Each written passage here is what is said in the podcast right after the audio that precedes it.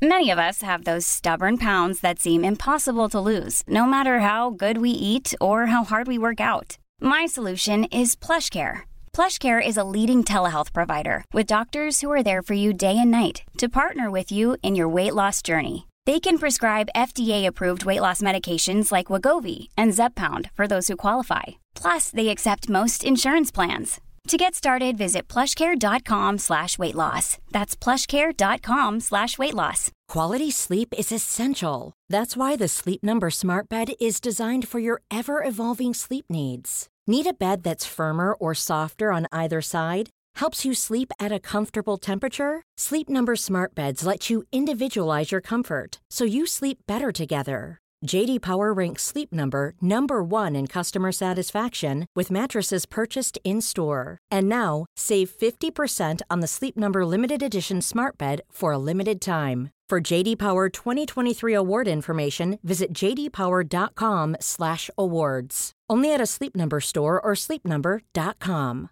A lot can happen in three years, like a chatbot may be your new best friend. But what won't change? Needing health insurance. United Healthcare Tri Term Medical Plans, underwritten by Golden Rule Insurance Company, offer flexible, budget friendly coverage that lasts nearly three years in some states. Learn more at uh1.com. 730 betyr crazy. Hva er 730 i deg? Dette er 730.no. Og jeg heter Mathilde Ullum. Velkommen til 730.no. Har du lyst til å bli skuespiller i en internasjonal suksess, jobbe som regissør og manusforfatter samtidig som du er en aktiv samfunnsdebattant? Det kan kanskje min neste gjest hjelpe deg med. Velkommen, Ulrikke Falk. Første spørsmål er hvor mange timer har du i døgnet? Du har gjort så sykt mye. Jeg synes det, er så, det er veldig hyggelig at du sier, for jeg har liksom, det er ikke mitt, min fortelling om meg selv. Um, jeg har bare 24 timer i døgnet. Men uh, ja. Takk. Jeg skjønner det, for man sammenligner seg jo med andre, og Ja. da tenker man jo at alle andre får til så mye mer enn seg selv. Men jeg tror alle kan sammenligne seg med deg og tenke at du får til mer enn oss.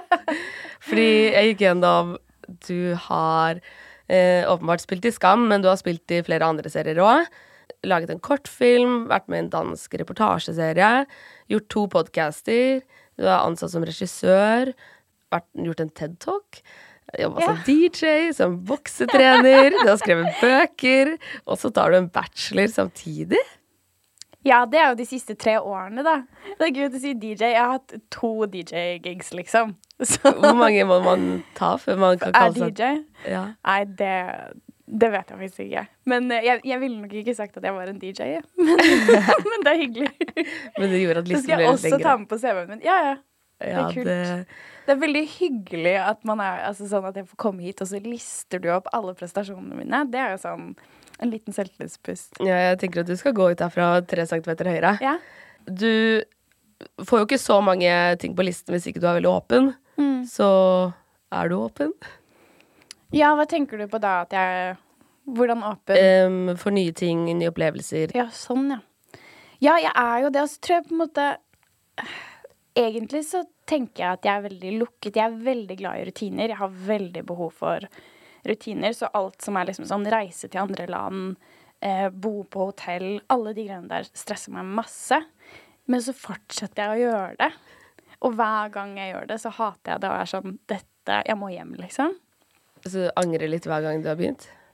Ja, men, men eh, det, det går jo. Jeg bare må liksom stå i den hjemlengselen, tror jeg jeg har mye. Og så må jeg bare lage meg nye rutiner. Men eh, jeg, jeg, har, jeg skjønner ikke hvorfor jeg fortsetter å gjøre det når, når jeg syns det er så vanskelig. Hva er det du syns er vanskelig? Å reise vekk, egentlig. Jeg er skikkelig dårlig på reising. Eh, og nå har jeg liksom Det, det var jo eh, s- Spilt inn en Discovery-serie i Sverige i fjor, så jeg bodde jo to måneder i Stockholm. eh, og- Det var ligga? Det var ligga. Året før, to år før der igjen så var jeg jo masse i Danmark, og det var den reportasjeserien. Og så er det liksom å holde foredrag, det er jo mye reising. Det er reising jeg tåler dårlig, da. Du eh, er jo i en bransje hvor det er mye reising òg. Ja. Har du vurdert å bytte? Nei, men det er det jeg føler litt sånn kanskje manusforfatterveien som jeg ønsker å gå, da, og går, handler litt om at da kan jeg være hjemme og skrive. Så det er ikke, det er ikke bytte av bransjen, men det er også liksom en En annen side av den? Ja. Eh, For nå går du på Westerdals tredje året, Mm. og tar en bachelor der i manus. Hvor, hvorfor begynte du med det? Året var 2020. Pandemien brøt ut. Og jeg hadde jobbet som frilanser siden videregående, egentlig. Og hadde jo egentlig lenge kjent på at nå trengte jeg Jeg trengte noe fast. Frilanser er er dritvanskelig og slitsomt og krevende. Og så kom pandemien også. Da var det sånn Nå, nå er det veldig viktig at jeg har noe å stå opp til hver eneste dag. Så det var Og så Det var på en måte det som utløste det, hvorfor det skjedde først for i 2020, da. Men jeg har jo Jeg elsker å skrive. Jeg elsker film og TV. Jeg elsker alt ved å være manusforfatter. Så det var bare noen brikker som falt på plass, hvor jeg var sånn Det er jo det jeg skal gjøre. Hvilken sjanger liker du best å skrive i? det må jo bare være drama. Altså sånn er sosialrealisme. Veldig én til én. Jeg har ennå ikke klart å Eller klart, jeg er ennå ikke noe sånn Det er ikke sci-fi og high, eh, high concept-greier jeg skriver. Det er nære ting. Ja. Har du snakket med serieskaper av Skam, Julie Andem, om dette? Ja. Så eh, du har snakka med henne, kanskje fått noen tips, noen råd? Ja, ja, ja, og så fikk vi jo jobbe veldig nært med henne da vi spilte inn Skam. Og da fikk jeg jo se noen av um, hennes uh, ja, uh, arbeidsmåter, på en måte. Er det hun som har inspirert deg til å ville bli manusforfatter? Det kan man faktisk si, ja. Fordi jeg gikk jo, altså jeg gikk jo fra videregående og var sånn Hva faen skal jeg gjøre? Jeg har fått en liten rolle i en nettserie. Um, jeg får jo gjøre det, det. Da tjener jeg penger. Altså sånn, Jeg visste jo ikke hva jeg ville bli etter jeg var etter videregående. Jeg har aldri hatt noen klar plan. Og så å se hva hun har fått til, 100% inspirert meg til å tenke at det er mulig for meg også. Jeg visste jo ikke at det var mulig. Ja. Wow. Og så var du på noen andre auditioner. Det er den første auditionen jeg har vært på noensinne. Det går greit. Ja. det, Det, Ja. Har du vært på noen auditioner etterpå? ja, det har jeg. Eh, Er det noen du ikke har fått? Ingen. Altså, jeg har ikke fått noe av uh... oh, ja, du har ikke fått noen av de auditionene Nei, nei. nei. Nei. det er ikke sånn at jeg har fått alle. Nei, jeg har ikke fått, uh, fått noen. Det er jo uh, en kjens... Altså, for folk som har jobba som skuespiller lenge, så er det veldig vanlig. Ja, At man går på mange auditioner man ikke får. ja. ja. Det kan være liksom alt fra 200 til 10 stykker på en audition. ja. Sannsynligheten for at du får den ene rollen er jo liten, Mm. eh, men veldig gøy. Hvordan føltes det å ha fått din første rolle, første audition, og så gjør du ikke det etterpå? Nei, det, det er, var jo Det er jo litt sånn rar, absurd inngang til en skuespillerkarriere. Sånn, mest sannsynlig det største jeg noensinne kommer til å gjøre, har jeg allerede gjort som skuespiller. Og det første du gjorde? Og det var det første jeg gjorde. Så hvor går man derfra, på en måte?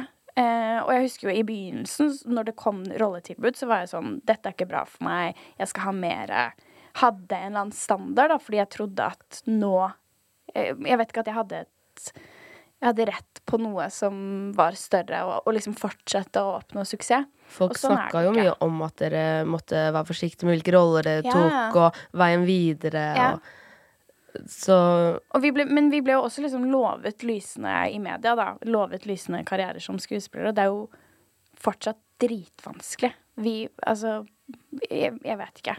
Eh, jeg har liksom ikke helt eh, fått til det der å være skuespiller. Vet, og, og jeg er ikke helt sikker på om det er det jeg vil, og det tror jeg også gjør at jeg ikke jobber sånn systematisk og konkret med å, og hele Ja, få noe nytt, da. du har jo spilt i flere serier, da. Ja.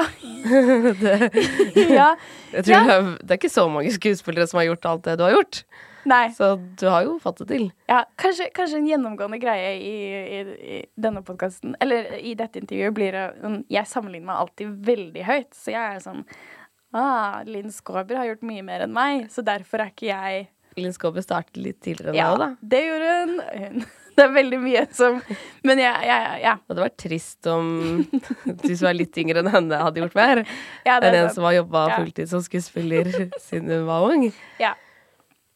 Men jeg har en tendens til å sammenligne meg opp og, og tenke at uh, som skuespiller så har jeg Og det tenker jeg. At jeg ikke får til å være skuespiller. Det gjør jeg. Det er sikkert mange som sammenligner seg med deg og tenker at de ikke får det til òg. Ja. Hva tenker du om det? Eh, at du setter ting i perspektiv. du har jo rett. Ja. Det, jeg tror det er jo ganske Linn Skåber hadde også syntes det var gøy å spille i Skam. Ja. Spilte ikke hun deg i den remaken? Nei, Linni Meister gjorde det. Hun spilte Nora. Hun spilte Nora, ja. Mm. I Senkveld-remaken, ja. som jo Ja. Nei, det var Linni Meister som var Vilde. Og hvordan er ditt forhold til Line Meister i dag? Godt. Godt. um, og så Ja, fordi Skam Du gikk jo fra at du ikke visste helt hvor stort dette kom til å bli, åpenbart. Du hadde fått en rolle i en liten nettserie. Uh, og når var det du skjønte at det her kom til å klikke helt? Mm. Ehm, aldri. Og det tror jeg liksom Jeg har fortsatt øyeblikk nå i etterkant hvor jeg er sånn Å ja, sant. Det skjedde. Um, jeg, jeg tror ikke det var mulig å innse det når man var midt oppi det. Men jeg, det, er en, det, det er to øyeblikk som jeg husker, for jeg jobbet jo i Trondheim på dette tidspunktet på en kafé. Så husker jeg liksom første gangen jeg ble gjenkjent. Um, og nå er det et veldig uh, spesielt øyeblikk, fordi ja, jeg vet ikke det, det var jo der det startet at jeg ble offentlig, på en måte. I det øyeblikket noen kjente meg igjen. Og så er det øh, en sånn eh, Det var eh, på Rema 1000 så var det um, reklame for fiskekaker. Fordi det var en eller annen scene i Skam eh, hvor Nora lette etter fiskekakene sine, men Eskil hadde spist de opp. Så da hadde Rema 1000 lagd en reklame på sånn 'Vi har fiskekaker'. Og da husker jeg at jeg var sånn Oi, dette her er stort. Men det var en Rema 1000-reklame som gjorde at jeg var sånn Oi, OK. Det er big deal, på en måte. Jeg husker den scenen så godt. Jeg var i Århus en gang, og da Rett etter at det kom ut, og da var noen spurte hvor jeg var fra, så er jeg Norge. Og de bare 'Å, vi vil ha fiskekaker nå!' det ble en skikkelig kjent scene. uh, har du fått mange tilbud etter Skam? Du nevnte at du hadde fått noen som du hadde takket nei til. Noen auditions du ikke fikk.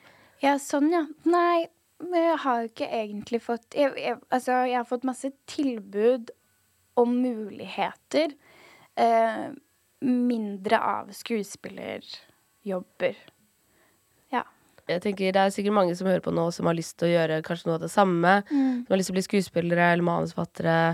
Um, og hvor, om du har noe erfaring fra å liksom eh, skape noe eh, Hvordan en sånn prosess funker. Ja.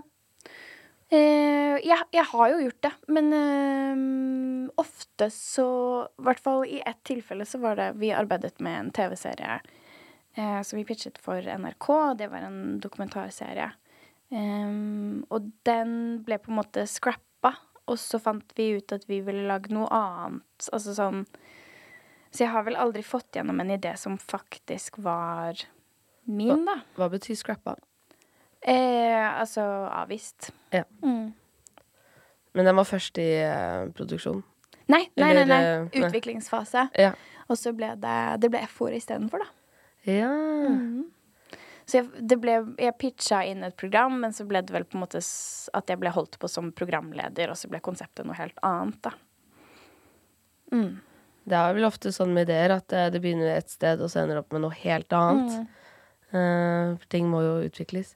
Ja, og også sånn det at man kjenner på Man ble avvist for Du skriver inn en leseprøve som er sånn Eller pitcher inn en TV-serie som du bare har jobbet dritmye med, og du elsker ideen.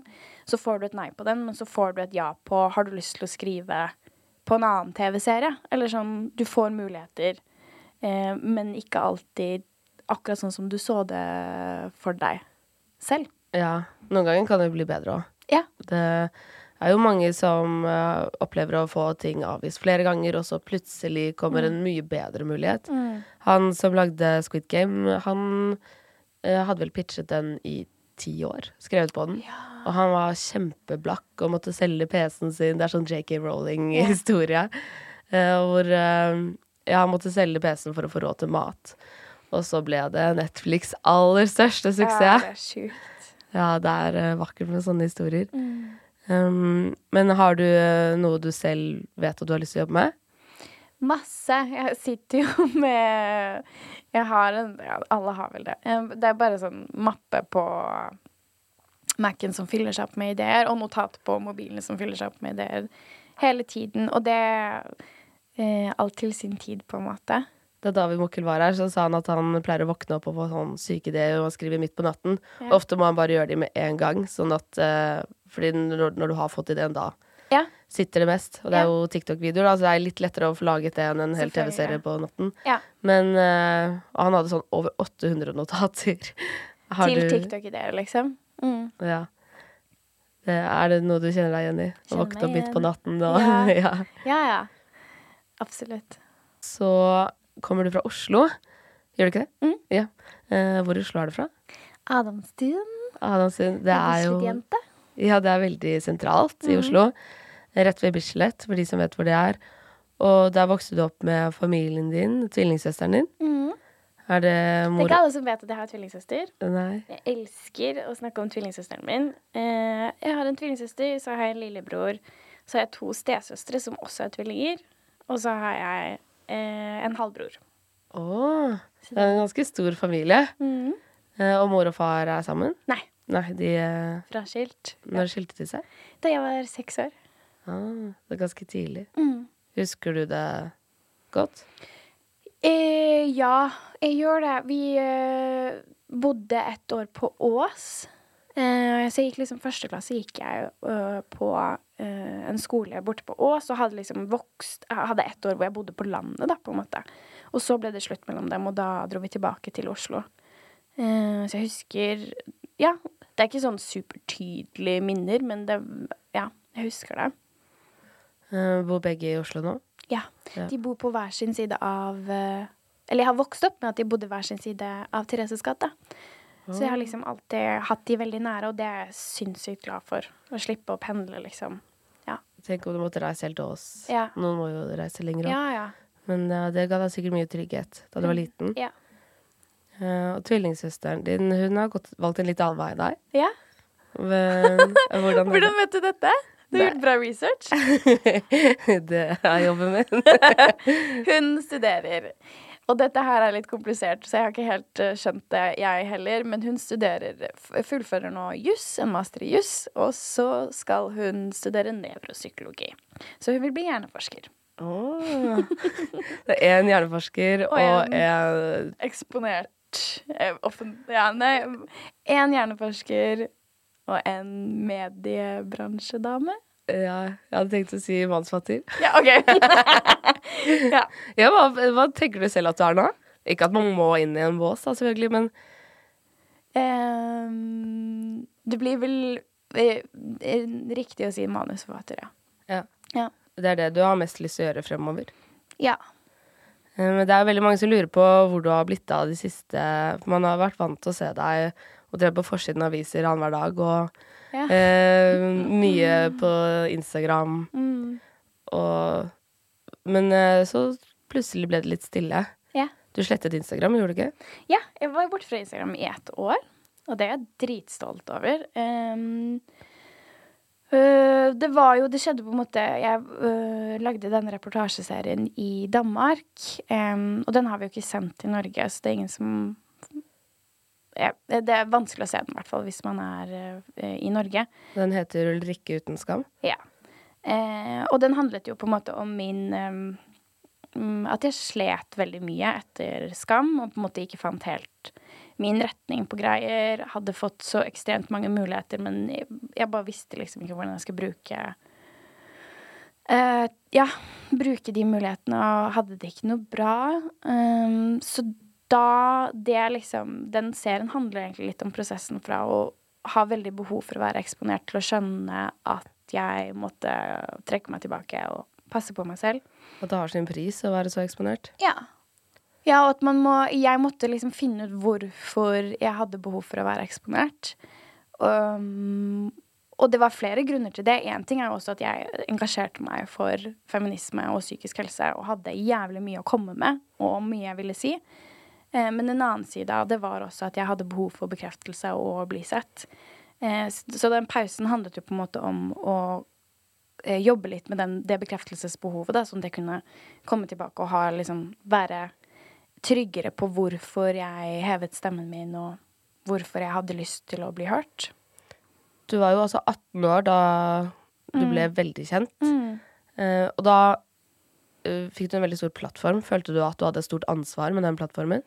Ja, og, og det var litt sånn rart, for jeg snakket jo med de andre på, eh, på i Skam, og det var ingen som følte noe særlig på det.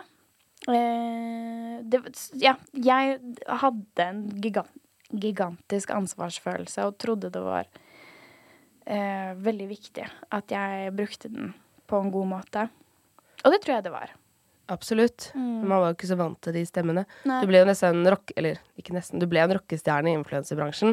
Du ble jo nominert i Vixen og Ja. trakk deg fordi det, Og det var drama. det ble drama.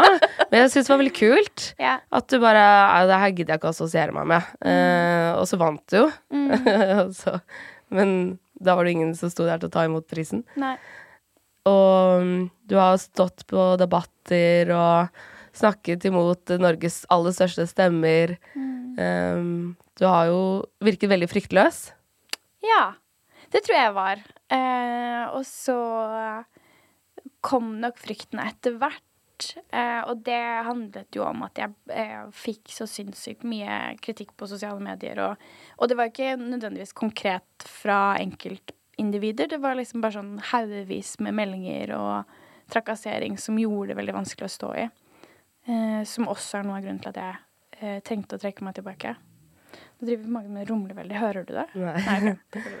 Eh, og det var jo Det er mange som kanskje stilte seg litt utenforstående da at man kunne slette en Instagram-konto med to millioner følgere.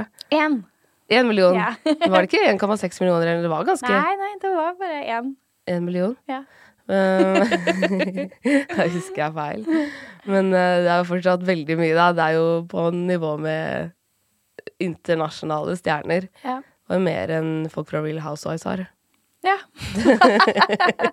Jeg sammenligner alt ut ifra Skam. På en skala fra én til Skam. Skuespillere, mange følgere har det. Ja. Um, jeg har 1000, så jeg er liksom litt litt vei å gå. Men uh, syns du det var uh, Tenkte du litt over det? At du kunne risikere å miste noen følgere, eller? Ja, ja, ja. Ja, ja, det var ehm, Absolutt, liksom. Det var jo hørtes litt overfladisk ut, det spørsmålet, for det, var jo helsen din det sto om. Helsen eller følgerne. Men det tror jeg faktisk mange Ja, ja, selvfølgelig. Det er jo litt derfor man gjør det. Ja, og det, er liksom, det har jeg tenkt på. Det syns jeg er sårt, men jeg syns jo også det er vanskelig at jeg har mistet masse følgere. Og det, det må jeg på en måte bare Det er naturlig. Det er jo en avvisning når jeg ser at jeg mister følgere hver eneste dag. Eh, og så kan jeg velge å henge meg opp i det og lure på hvorfor har ikke folk lyst til å følge meg, eller så kan jeg la det gå og være sånn Det har egentlig ingenting å si. Eller er en verdi i mitt liv. Det kan jeg velge. Eh, men Eh, akkurat da så sto det jo ja, om, eh, om mitt vel, velvære versus en Instagram-konto. Da var det ikke vanskelig. Det er godt å høre. Mm. Og hva gjorde du da du logget av? Jeg Ja, nei, da var det liksom ganske rolig år hvor det var eh, å gå i terapi, få rutiner, em, jobbe Ja. Hvor jobba du da? Da spilte vi inn pilot til Ligga, Uh, og så holdt jeg foredrag. Det var sånn jeg kom meg gjennom det året. Ja, og så spilte vi jo inn uh, den reportasjeserien i Danmark. Så det var liksom Ja. For meg er det et rolig år. For det var ikke så mye som skjedde. Det, eh, det var veldig mye dødtid. Det var Ja. Um, Kanskje det høres usympatisk ut å si at det var et rolig år. Men ja. ja. men uh, det er jo i kontekst av hva du har opplevd, da. Men, yeah. Og sånn TV-serie i Sverige, TV-serie i Danmark, foredrag i Norge. Mm. Det er jo fortsatt et heftig år. Hva sa psykologen din om at du sa nå skal jeg ta en pause, og så har du 200 reisedager i året? Jo, men så må du på en måte tenke, fordi da, da er jo Det jeg gjorde, var jo å være mye Når jeg var hjemme i Oslo, så var det jo ikke så mye jobb. Da sto jeg jo Altså sånn hadde ikke um, Jeg hadde ikke noe å gå til hver eneste morgen, og det, var, det er det jeg tror var det som var vanskelig med det året. At det var um, ustabilt. Altså sånn å holde foredrag måned til måned. Jeg vet jo ikke når jeg får foredragene, eller om jeg får foredragene. Uh, det føltes ustabilt. Um, og det er mye dødtid som frilanser, da. Som du venter jo på. Og er aldri helt sikker på når du får neste jobb. Så det var derfor det føltes som et sånt litt sånn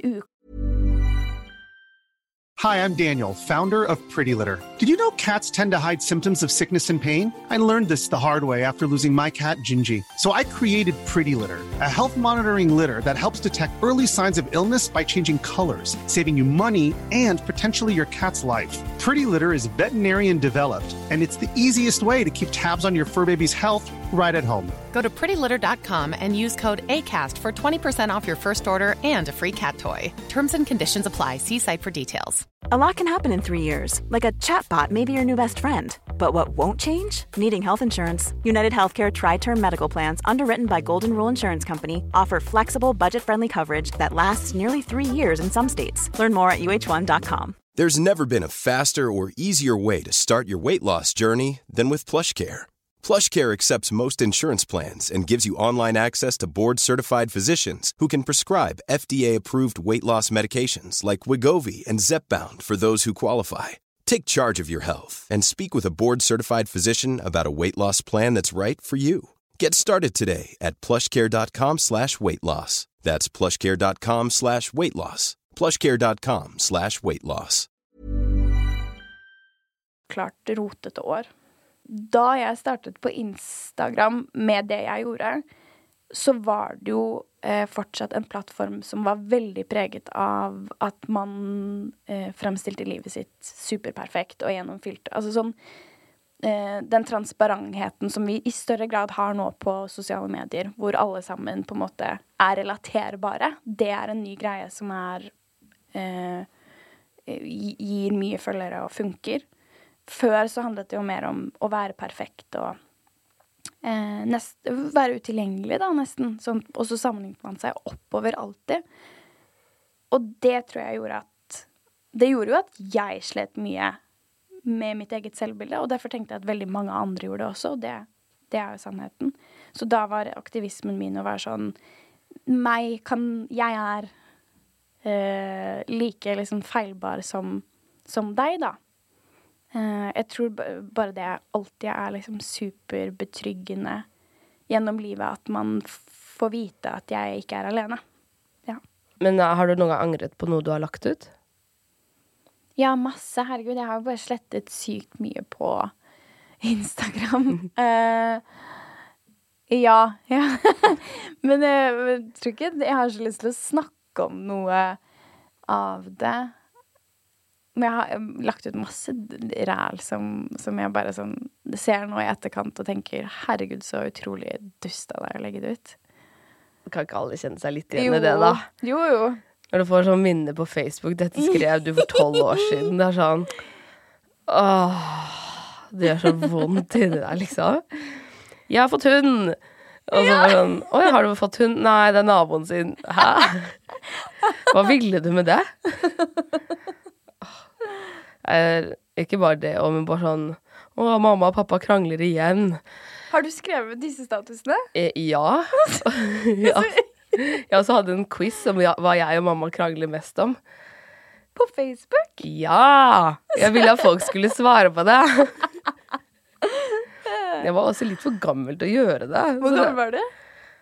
Sånn 14. Nei, det er ikke for gammelt. Facebook var jo veldig nytt, da. Så vi visste Ja. jo ikke helt hvordan vi brukte det heller. Det var jo sånn Oi, dette er en lættis ny greie. Jeg husker kusinen min eh, gikk inn og lagde en gruppe som var sånn Hvis 200 melder seg inn i denne, så skal Mathilde Ullum løpe naken rundt Slottet. Han fikk 199 følgere. Så jeg var sånn Hæ? Rude, hvorfor vil ingen se meg naken? um, og når man blir så kjent som det du er, mister man jo litt liksom kontroll på narrativet. Um, for du går jo fra å være liksom en helt vanlig jente til at plutselig alle vet hvem du er. Og hvis du sier noe, så blir det jo det dratt ut av kontekst, folk begynner å snakke om det videre. Hvordan var det? Mm. Eh, vanskelig, er det første som dukker opp i hodet mitt. Jeg bare prøver å tenke um, For kanskje min strategi var sånn OK, så hvis jeg er helt transparent da, og sier alt som jeg sliter med, eller alt som jeg tenker på, da må jo det narrativet på en måte kanskje, Jeg trodde kanskje at det var sånn jeg kunne få kontroll på narrativet. Å være superåpen. Eh, sånn var det jo ikke i det hele tatt. Um, og spesielt sånn når du ender opp i debatt med andre folk. Ah, det hater jeg. At, uh, at, at, det ikke handler om hva man sier, det handler om hva andre tenker om det. Det handler om hva du hadde på deg, hvordan du sa det. Altså sånn Det syns jeg var det vanskeligste. Jeg hadde så utrolig lyst til å helt, får, Man får veldig forklaringsbehov, da. Eh, og så får du aldri forklart deg nok, fordi det er alltid noen som drar ting ut av kontekst. og ja. Oi. Jeg har alltid tenkt at det virker så utrolig skummelt å gå ut på en debatt. For ja. du vet jo ikke hva de andre skal si. Du vet mm. ikke før at det er sånn å gå under krigen, og de har våpen du ikke aner hva er. Mm. Og, og, hvordan forbereder man seg, for det første? Jeg tror um, den debatten som var mest sånn synlig som jeg var med i, var jo den med Kristine Ullebø da vi faktisk var på Debatten på NRK og diskuterte influensernes ansvar overfor følgerne sine, som var bare sånn superviktig at vi endelig fikk pratet om det um, på en debatt, og at det var et tema som ble tatt på alvor. Uh, og så endte det opp med å bli egentlig liksom lagt opp til en sånn catfight uh, med kvinne mot kvinne, og hun var tynn, jeg var sånn jeg så ut. Vi, altså sånn, vi, ble satt opp mot hverandre på en veldig ubehagelig måte, og jeg falt for det. Eh, og derfor, i etterkant, så har jeg på en måte tenkt at hver debatt jeg går inn i, så skal jeg finne felles grunnlag. Og det er jo ikke det man egentlig gjør i en debatt. Eh, debatter er jo lagt opp for liksom du sier din mening, jeg sier min mening. Så kan alle andre bestemme om de er enige, hvem de er enige i. Så har vi bare en superstor konflikt, da, og ingenting er løst. Så alle debatter i etterkant har jeg tenkt sånn Nå må vi finne et felles grunnlag her. Men og det er jo ikke Det er ingen som gidder å gi det oppmerksomhet, på en måte. Men uh, blir du nervøs når du skal gå inn i en sånn debatt? Um, nå blir jeg det. Akkurat den debatten der så var jeg veldig selvsikker på at jeg um, var godt forberedt og Uh, jeg, jeg, hadde liksom Jeg var egentlig ganske trygg, og så i etterkant så kom det så jævlig mye kritikk og backlash på hva jeg hadde sagt. Så etter det så ble jeg liksom selvbevisst og er veldig nervøs og unngår egentlig å være i debatt. Jeg er veldig selvbevisst på meningene mine. Jeg hadde en sånn urørlighet ved meg i mange år, men uh, nå har jeg blitt selvbevisst. Hva tror du gjorde at det endret seg? Kritikk. At jeg ikke klarte å stå eh, i kritikk. Få Ja. Det, tror du det skjer med alle som eksponerer seg så mye? Jeg, jeg tror man får en reaksjon på all kritikken. Altså som kanskje man Det beste hadde jo vært at man justerte seg litt. Fordi noe kritikk er jo helt riktig. Og så er det det som er vanskelig, for jeg fikk så jævlig mye kritikk. Og noe av det var helt sikkert sånn Oi, det kunne jeg godt tatt med meg. Men så kom det en melding fra uh, en annen som sa så tjukk og stygg og feit du er. Og jeg tok all kritikk under samme sånn Noen prøver å dytte meg ned. Uh, så det, veldig, det, er veldig vanskelig å navigere seg i kritikk og finne ut hva, hva, hva er riktig, og hva skal jeg um, stenge ute. Tror du det er fordi du var så ung? Um, ja, 100 det også, ja. Og alle får en mening om deg òg? Ja. Og så blir du litt allemannseie, følte du det? Ja, og det syns jeg fortsatt er vanskelig. At jeg kan komme inn i et rom eller møte nye mennesker, og så er det noen som har en formening om meg før jeg har fått lov til å altså sånn, introdusere meg selv. Eh, og jeg tror jeg har kommet til et godt sted hvor jeg er sånn OK, all, noen Jeg har veldig lenge prøvd å motbevise alle de som ikke likte meg. Eh, og det blir veldig slitsomt. For eksempel hvis det kommer en fyr på nach og er sånn eh, Bare så du vet det, jeg er ikke enig i det du sier i det hele tatt. Så hadde jeg brukt tid på å være sånn Å ja, hva er det du tenker at jeg sier? Og så hadde jeg liksom Ja, brukt det for å føle meg bedre. Og nå tror jeg at jeg har kommet et sted hvor jeg er sånn Jeg skal ikke bruke energien min på å få andre til å like meg. Men det har tatt veldig lang tid. Jeg har hatt sykt lyst til å liksom bevise meg selv og vært sånn Nei, men jeg er ikke sånn du tror jeg er. Jeg er snill. Men hvordan gjør man det? Nei, da bruker du resten av nachet på å sitte og være sånn Nei, nei, det var ikke det jeg mente, og bla, bla, bla. Ja. Og hvordan f- slutter du med det? Um, gjenkjenner den atferden, da. Jeg må på en måte Ofte så kan jeg ende opp i en sånn situasjon og være sånn Oi, shit, nei, nå gjør jeg det igjen. Nå må jeg trekke meg ut. Jeg liksom bare gjenkjenner når jeg gjør det. Følte du at du kunne bruke de erfaringene i rollen din som Vilde i Skam? Ja, jeg har jo liksom um, Det som var litt fint med Vilde, var at hun var overraskende lik um, meg på mitt såreste. Det var i hvert fall sånn jeg fant ut at jeg relaterte veldig til henne. At alle mine usikkerheter, det er Vilde. Vilde er bare usikkerhetene mine dratt ut uh, av proporsjoner. Uh, så for eksempel det å snakke veldig lyst, det var jo noe jeg hadde gjort på ungdomsskolen. Så jeg hadde liksom tenkt at nå må jeg være superfeminin og søt. Um, så da gikk jeg rundt og snakket jævlig lyst. Eh, og så ble det Vilde. Og det som var kult også, var at sånn Da ble jeg så bevisst mye av usikkerheten min, sånn at jeg, for å uh, kunne separere meg fra Vilde, ble sikrere i Ulrikke. Uh, for eksempel av å få legge stemmen tilbake i liksom det normale nivået. Uh, fordi jeg ville være Ulrikke, da, og ikke hele tiden bli assosiert med Vilde. Skjedde det ofte at folk kalte deg Vilde istedenfor Ulrikke? Ja, det skjer nå også, liksom. Gjør det det? Ja, ja. Og det uh, Helt ærlig så, så er det litt sårt. Men så kan jeg jo ikke gjøre noe med det. Det er bare Det er sånn menneskehjernen fungerer. Man også assosierer meg med det man har sett meg gjøre, på en måte.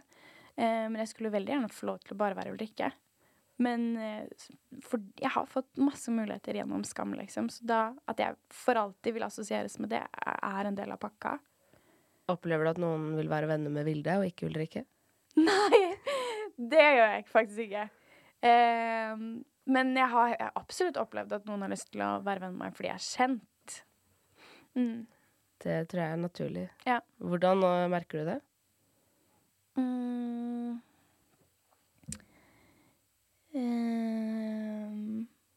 Litt sånn overraskende høy interesse første gang man møtes, kanskje?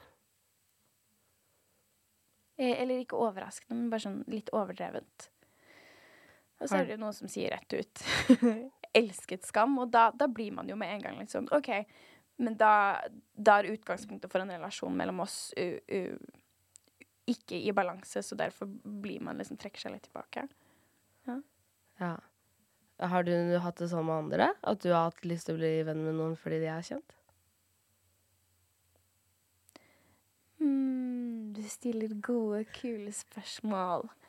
Ja, absolutt. Har du noen gang drømt om å bli kjent?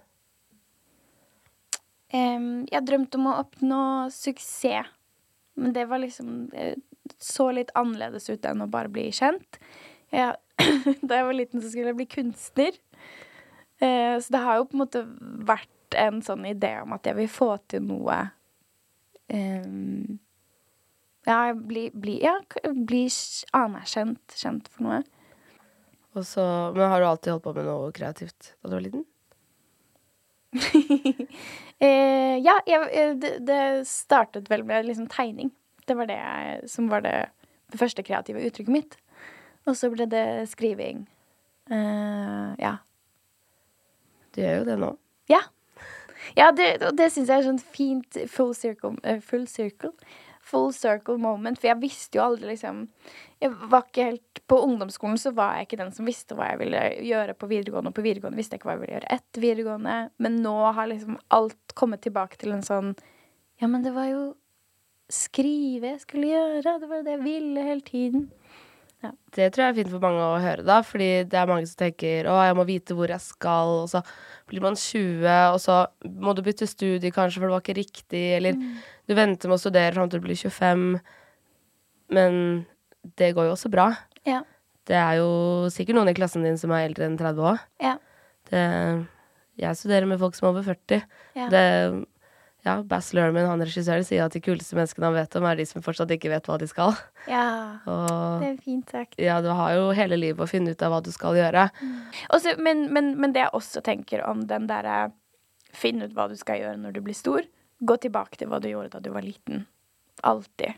Kan jeg spørre uh, For mange tenker kanskje at du ikke hadde trengt å ta den manusutdannelsen, Ja. men uh, det valgte du å gjøre. Ja. Selv om du har skrevet bok, vært med i masse TV-serier, pitchet TV-serier og gjort så mye innenfor den bransjen. Mm. Jobba tett med eh, Julie Andem. Altså Mm. hun, Den serien du var med i, har vel vunnet flest gullrutepriser. Har den, kanskje? Kanskje. Vet ikke. Jeg Nei. ikke med tallene foran meg, men jeg tror det. uh, ja, nei, men eh, jeg måtte på en måte Den manusutdannelsen, den gir meg en selvsikkerhet på at selv om Altså selv om noen kommer til å si 'Ulrikke, du har fått ting gratis fordi du var med i Skam', så kan jeg si nei. Jeg har uh, gått en utdannelse. Jeg jobber drithardt. Altså sånn, det handler om å få en selvtillit, da, til uh, at jeg fortjener å være der jeg er. Og da Det er det de siste liksom, tre årene mine har handlet om, å gå tilbake til um, Hva er det jeg trenger for å Ja, for å kjenne meg rusta i denne bransjen. Hadde dere Skam som pensum? Faktisk så hadde vi en forelesning med Skam, ja. Og det er ganske absurd å sitte og høre på, fordi det er noe som har forsket på det, liksom. Det er en um, dame som har uh, Ja, nei, jeg kan ikke henvise til, for jeg husker ikke navnet. Men um, det var en som hadde liksom skrevet en ganske omfattende forskningsartikkel på Skam, som skulle holde forelesning for oss. Uh, og da sitter jeg liksom med minnene og opplevelsen av hvordan det var å arbeide med dette, og så satt hun med liksom en helt annen vinkling på det. Um, så det var veldig interessant. Og ja.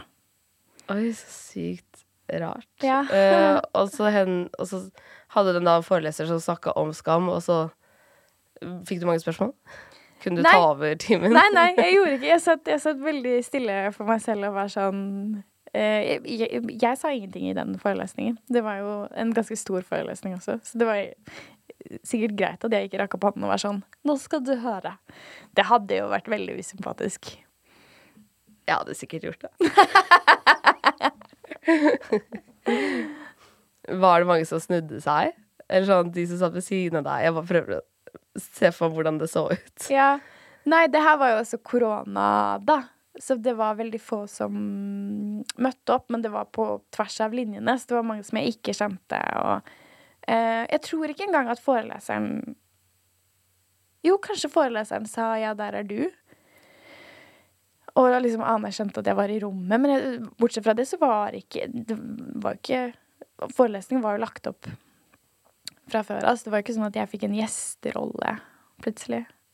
Men utrolig morsomt å Ja. sitte i den timen der. Ja.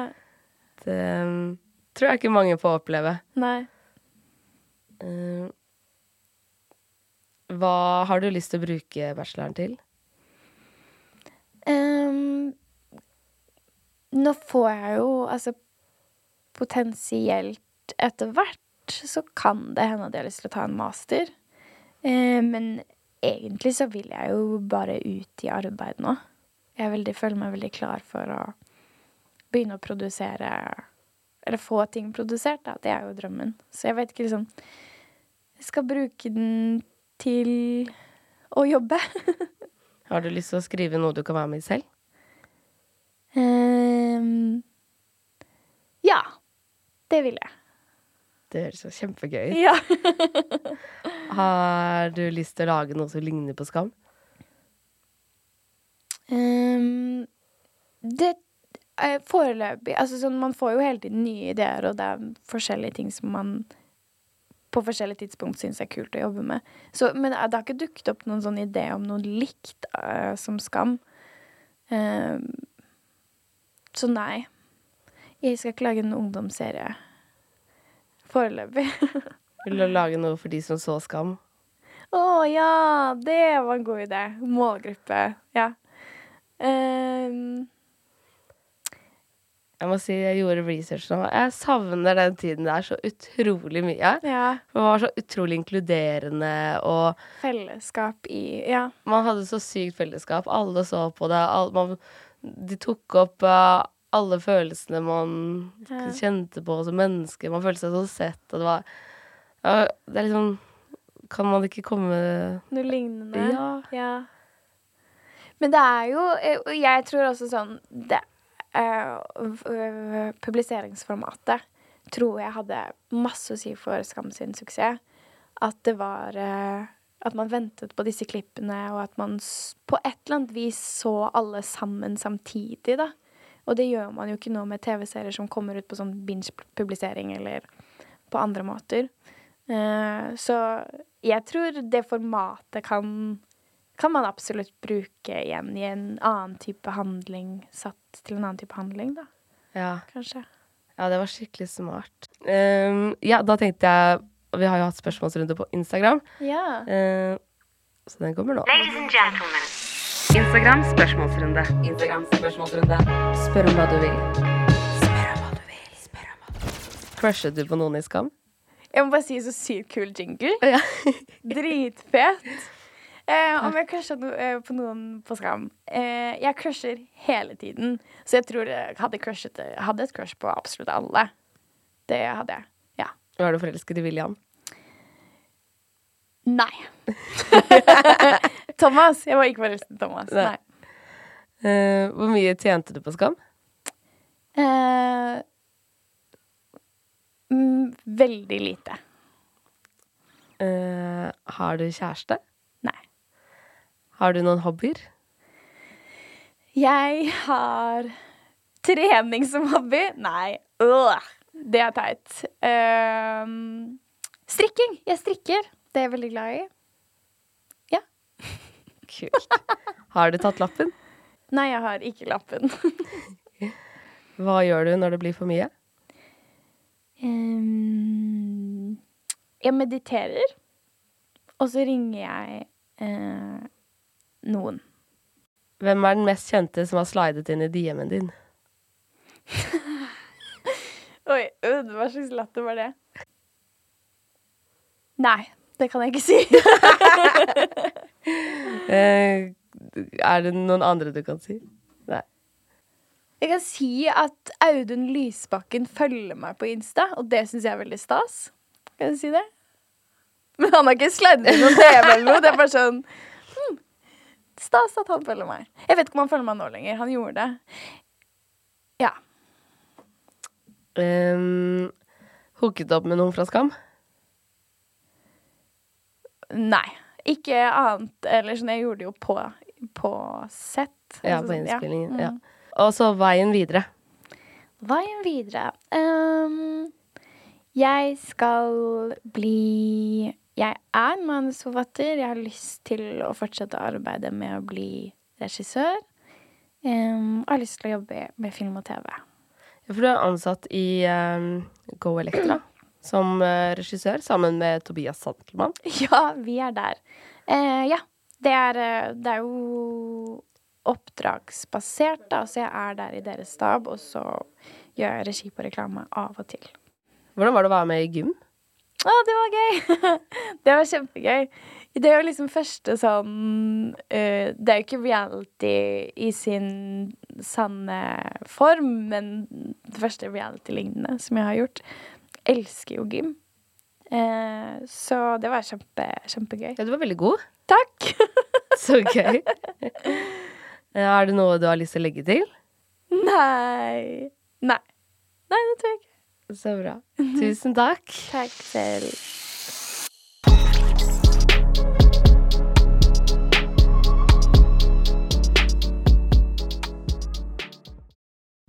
Tusen takk for at du hører på 730-podden.